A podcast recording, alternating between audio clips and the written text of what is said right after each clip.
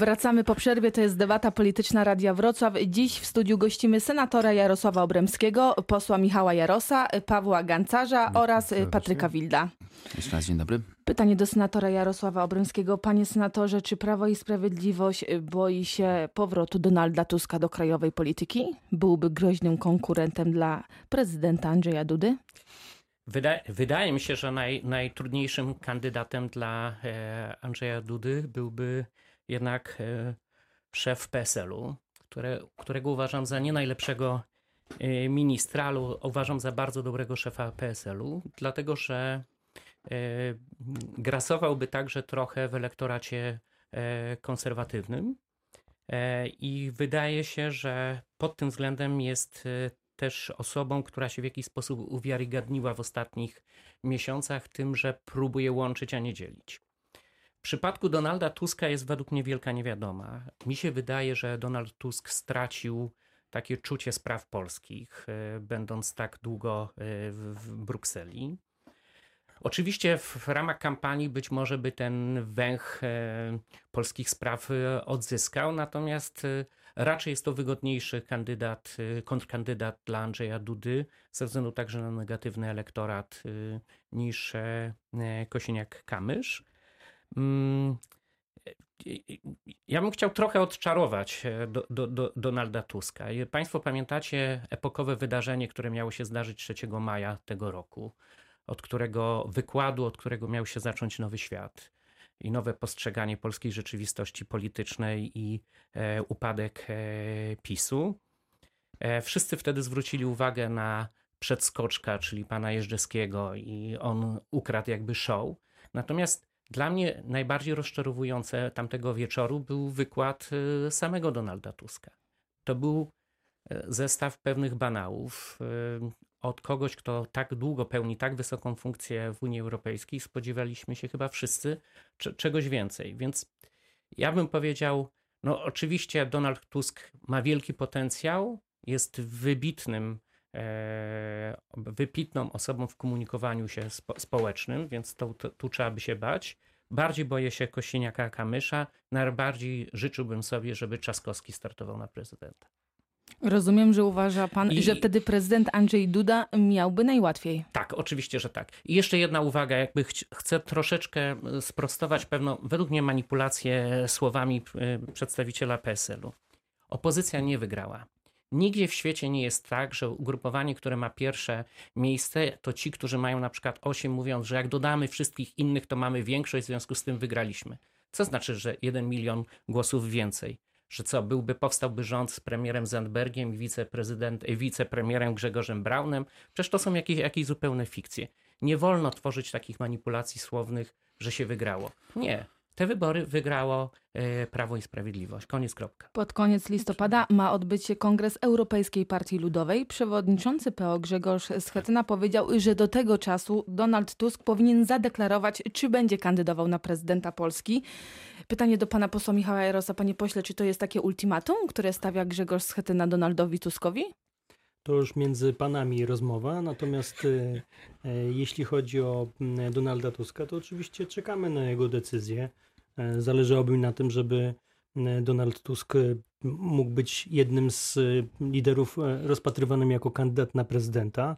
Czy to będzie w formie wyborów, prawyborów, czy to będzie w formie decyzji Rady Krajowej, mówię oczywiście o Platformie Obywatelskiej, no to to jest oczywiście przed nami. Na pewno zależy nam na tym, żeby kandydat Platformy Obywatelskiej, Koalicji Obywatelskiej był jeszcze do, pojawił się jeszcze przed końcem roku, tak żebyśmy mogli już na spokojnie przygotowywać kampanię wyborczą z kandydatem, bo na razie musimy przygotowywać struktury, wyciągać, przeanalizować wszystko to, co się wydarzyło w ostatnich wyborach, a tych wyborów było ostatnio aż nadto. Mam na myśli oczywiście wybory europejskie, parlamentarne, a także samorządowe i na podstawie tego możemy przygotowywać się do wyborów e, prezydenckich, ale też dobrze byłoby się przygotowywać już z kandydatką do bądź wyborów kandydatem. szefa Platformy Obywatelskiej Również. także. Pytanie do Patryka Wilda.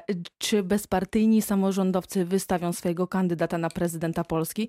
Ja tylko przypomnę, że pięć lat temu, niecałe pięć lat temu, bezpartyjni wystawili Pawła Kukiza i to z bardzo dobrym wynikiem. Paweł Kukiz zdobył trzeci wynik i 20% głosów wyborców.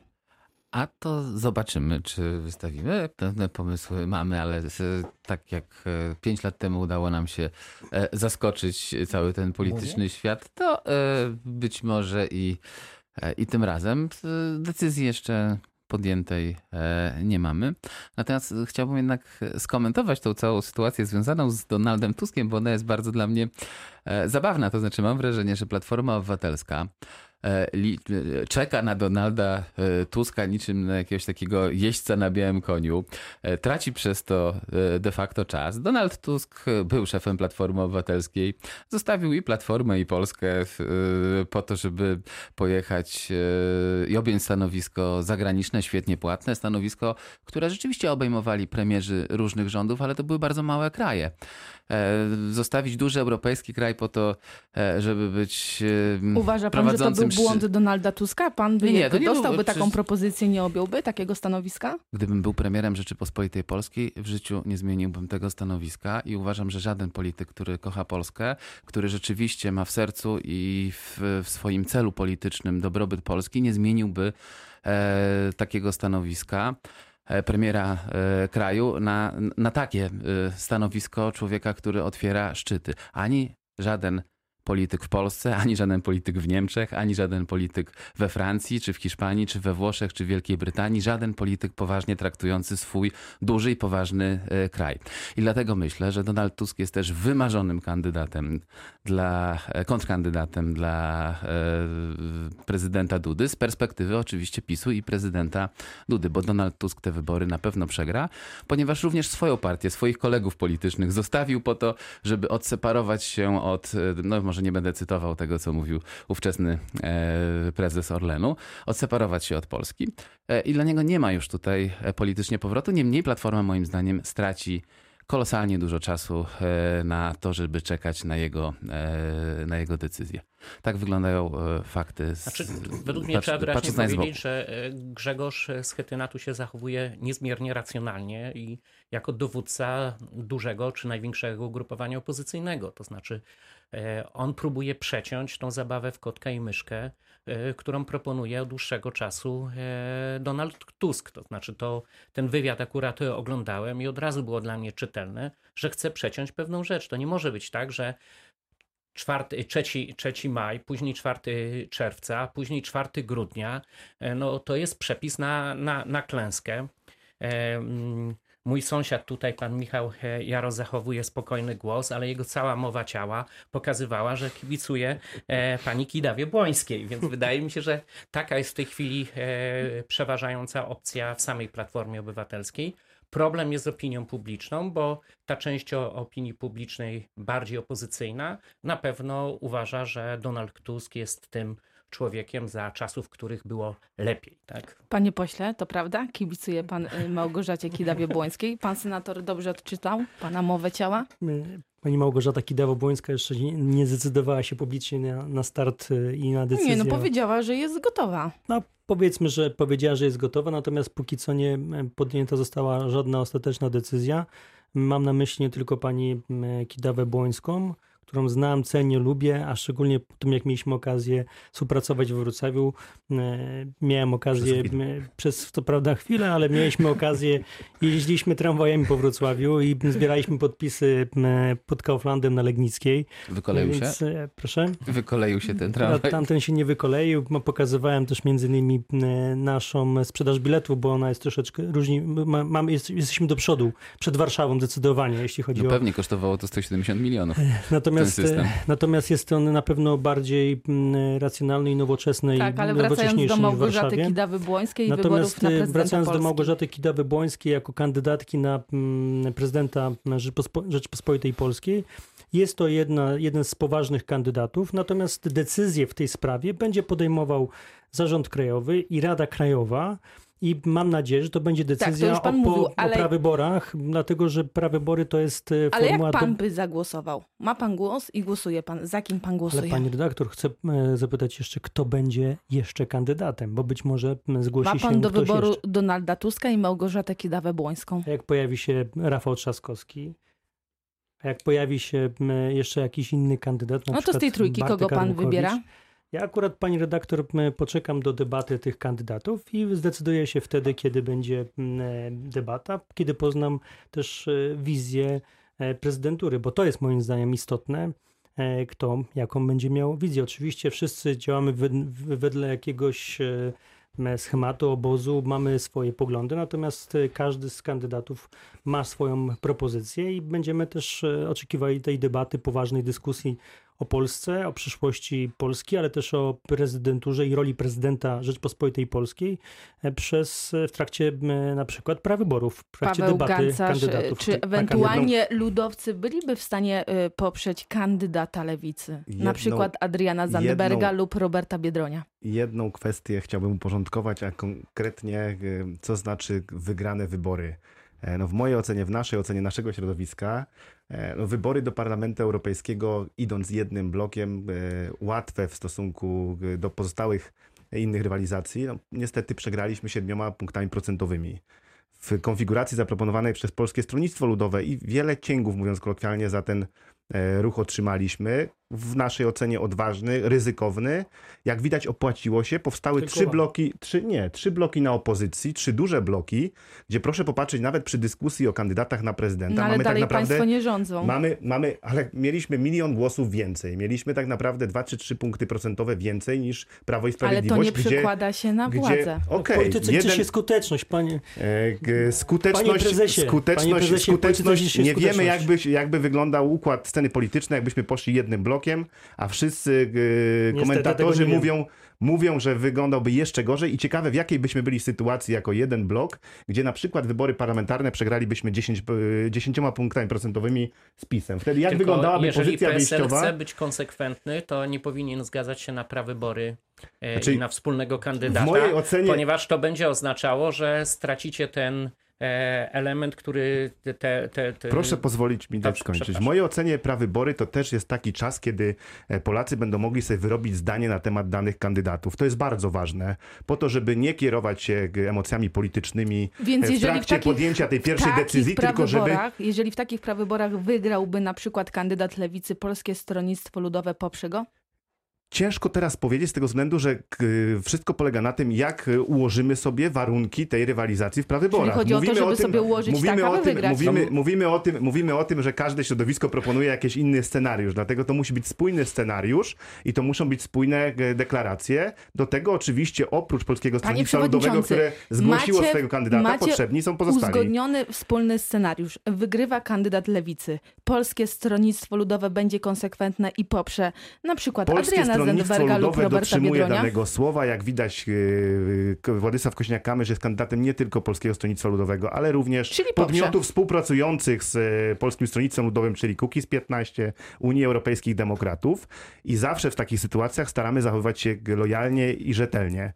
Dodam jeszcze jedną rzecz tylko na koniec. No, Władysław Kośniak-Kamysz jest w wielu ocenach i wielu ocenach komentatorów i w wielu badaniach pokazywany jako ten, który w drugiej turze wyborów e, mógłby faktycznie zagrozić e, aktualnie urzędującemu prezydentowi. Także po to jest potrzebna też ta wstępna dyskusja, żebyśmy mogli wybrać tego faktycznego lidera opozycji. Po to jest potrzebny też lider jako prezydent, czyli osoba, która wiemy. sprawdziła Teraz się, ale która sprawdziła się, a nie jest wystawiana z którego szeregu. T takiej sytuacji oczywiście nie będzie. Nie będzie żadnego wspólnego kandydata, ponieważ wybory prezydenckie są unikalną sytuacją dla wszystkich partii politycznych, żeby poprzez tego swojego kandydata e, przedstawić swój program i oczywiście nie będzie wspólnego kandydata e, PSL-u, jednak dosyć konserwatywnej formacji i progresywnych formacji, których uosobieniem jest e, Robert Biedroń. To takie rzeczy się po prostu nie zdarzają. To jest pomysł na to, żeby rzeczywiście prezydent Duda wygrał w pierwszej turze. To, to... Natomiast w związku z tym, że tak wygląda ta logika, no to w drugiej turze najprawdopodobniej, jeżeli będzie oczywiście druga tura, E, to spotka się urzędujący prezydent z reprezentantem no, najsilniejszej e, formacji. Wie o tym e, Grzegorz Schetyna i na pewno jako polityk rozumiejący te uwarunkowania nie zrezygnuje z tego, żeby pokazać, że to właśnie Platforma jest tą, tą najsilniejszą formacją. Bez względu na to, czy w wyniku tego w drugiej turze ten kandydat będzie miał szansę, czy nie będzie miał szansy, czy, albo raczej inaczej, czy będzie miał większe, czy mniejsze szanse, bo ja się zgadzam, że w drugiej turze zapewne E, prezes PSL-u ze względu na swoje możliwości jakby zaciągnięcia e, do swojego obozu, część obozu E, prawicowego, miałby pewnie większe szanse niż jakikolwiek inny z tych e, kandydatów reprezentujących, e, reprezentowanych przez, przez opozycję. Ale tak się nie zdarzy. Kończymy. Każda z formacji przedstawi swojego kandydata. O tym przekonamy się już niedługo. Kończymy temat wyborów prezydenckich. Kilka dni temu sąd uznał, że wrocławski magistrat nie miał prawa rozwiązać Marszu Niepodległości. Przypomnę, ubiegłorocznego oczywiście Marszu Niepodległości, bo decyzja urzędnika podjęta była zbyt późno miasto zapowiada apelację. Ja też przypomnę, że przed rokiem podczas marszu 11 listopada w stronę Wrocławian poleciały butelki, petardy i race, a, a ranne zostały trzy osoby. Jak y, panowie skomentują decyzję sądu? Senator Jarosław Obremski. Mówimy o wolności manifestacji. Uważam, że mm, istnieje bardzo duże niebezpieczeństwo, że władze samorządowe będą podejmować decyzje pozwalające na manifestacje albo rozwiązujące manifestacje, bardziej deklarując się politycznie niż kierując się e, myśleniem o wolności zgromadzeń. I tak odbieram ten wyrok, e, wyrok sądu. Jestem wielkim zwolennikiem, żeby był monitoring e, manifestacji, złamanie jakiegokolwiek prawa. To może być łamanie prawa poprzez pewną brutalność, agresywne zachowania, rzucanie czymkolwiek, ale to są także jak gdyby y, takie elementy łamania prawa, które mm, jest y, obrażaniem czyichś uczuć, także uczuć religijnych, obrażaniem, odwoływaniem się do jakichś haseł rasistowskich. Takie osoby powinny być wyłapywane i później bardzo surowo karane. Manifestacja, czyli zgromadzenie dużej ilości osób, wymaga pewnego porządku. Natomiast mam wrażenie, że to były takie decyzje troszkę pod, y, pod publiczność, co nie zmienia mojego stosunku do. Nie przekonuje um... pana też, że, że, kilka osób zostało rannych. Nie było bezpiecznie, absolutnie nie było bezpiecznie. Wiem o czym mówię, bo y, obserwowałam. Nie, ale, nie, nie, absolutnie, absolutnie się, się zgadzam, tylko mamy za każdym razem do czynienia z pewnym dylematem wolności manifestacji i próbą drastycznego ograniczenia te, te, te, tej, tej wolności, takich praw, praw obywatelskich. Tu według mnie istotną rzeczą jest spraw, sprawność e, policji. E, I być może powinny być bardziej precyzyjnie sformułowane przesłanki pozwalające także władzom e, Wrocławia rozwiązywać tego typu zgromadzenia. Tylko rozwiązanie zgromadzenia, manifestacji nie jest takim prostym rozwiązaniem, ponieważ ten pochód już jest, jest ten tłum i mamy do czynienia wtedy z jeszcze z większą anarchią i trudniejszymi działaniami dla, dla policji. Ja jestem za tym, żeby jednak długofalowo karać tych, którzy przestrzegają i na następne lata już się nie będą tego typu ekscesy Poseł powtarzać. Michał Jaros. Z wyrokami sądów się nie dyskutuje, można je oczywiście tylko i wyłącznie wykonywać, natomiast to nie jest ostateczny wyrok. Jest jeszcze kolejna instancja i prezydent Wrocławia zapowiedział, że będzie odwoływał się od e, tego wyroku, który zapadł na tym poziomie.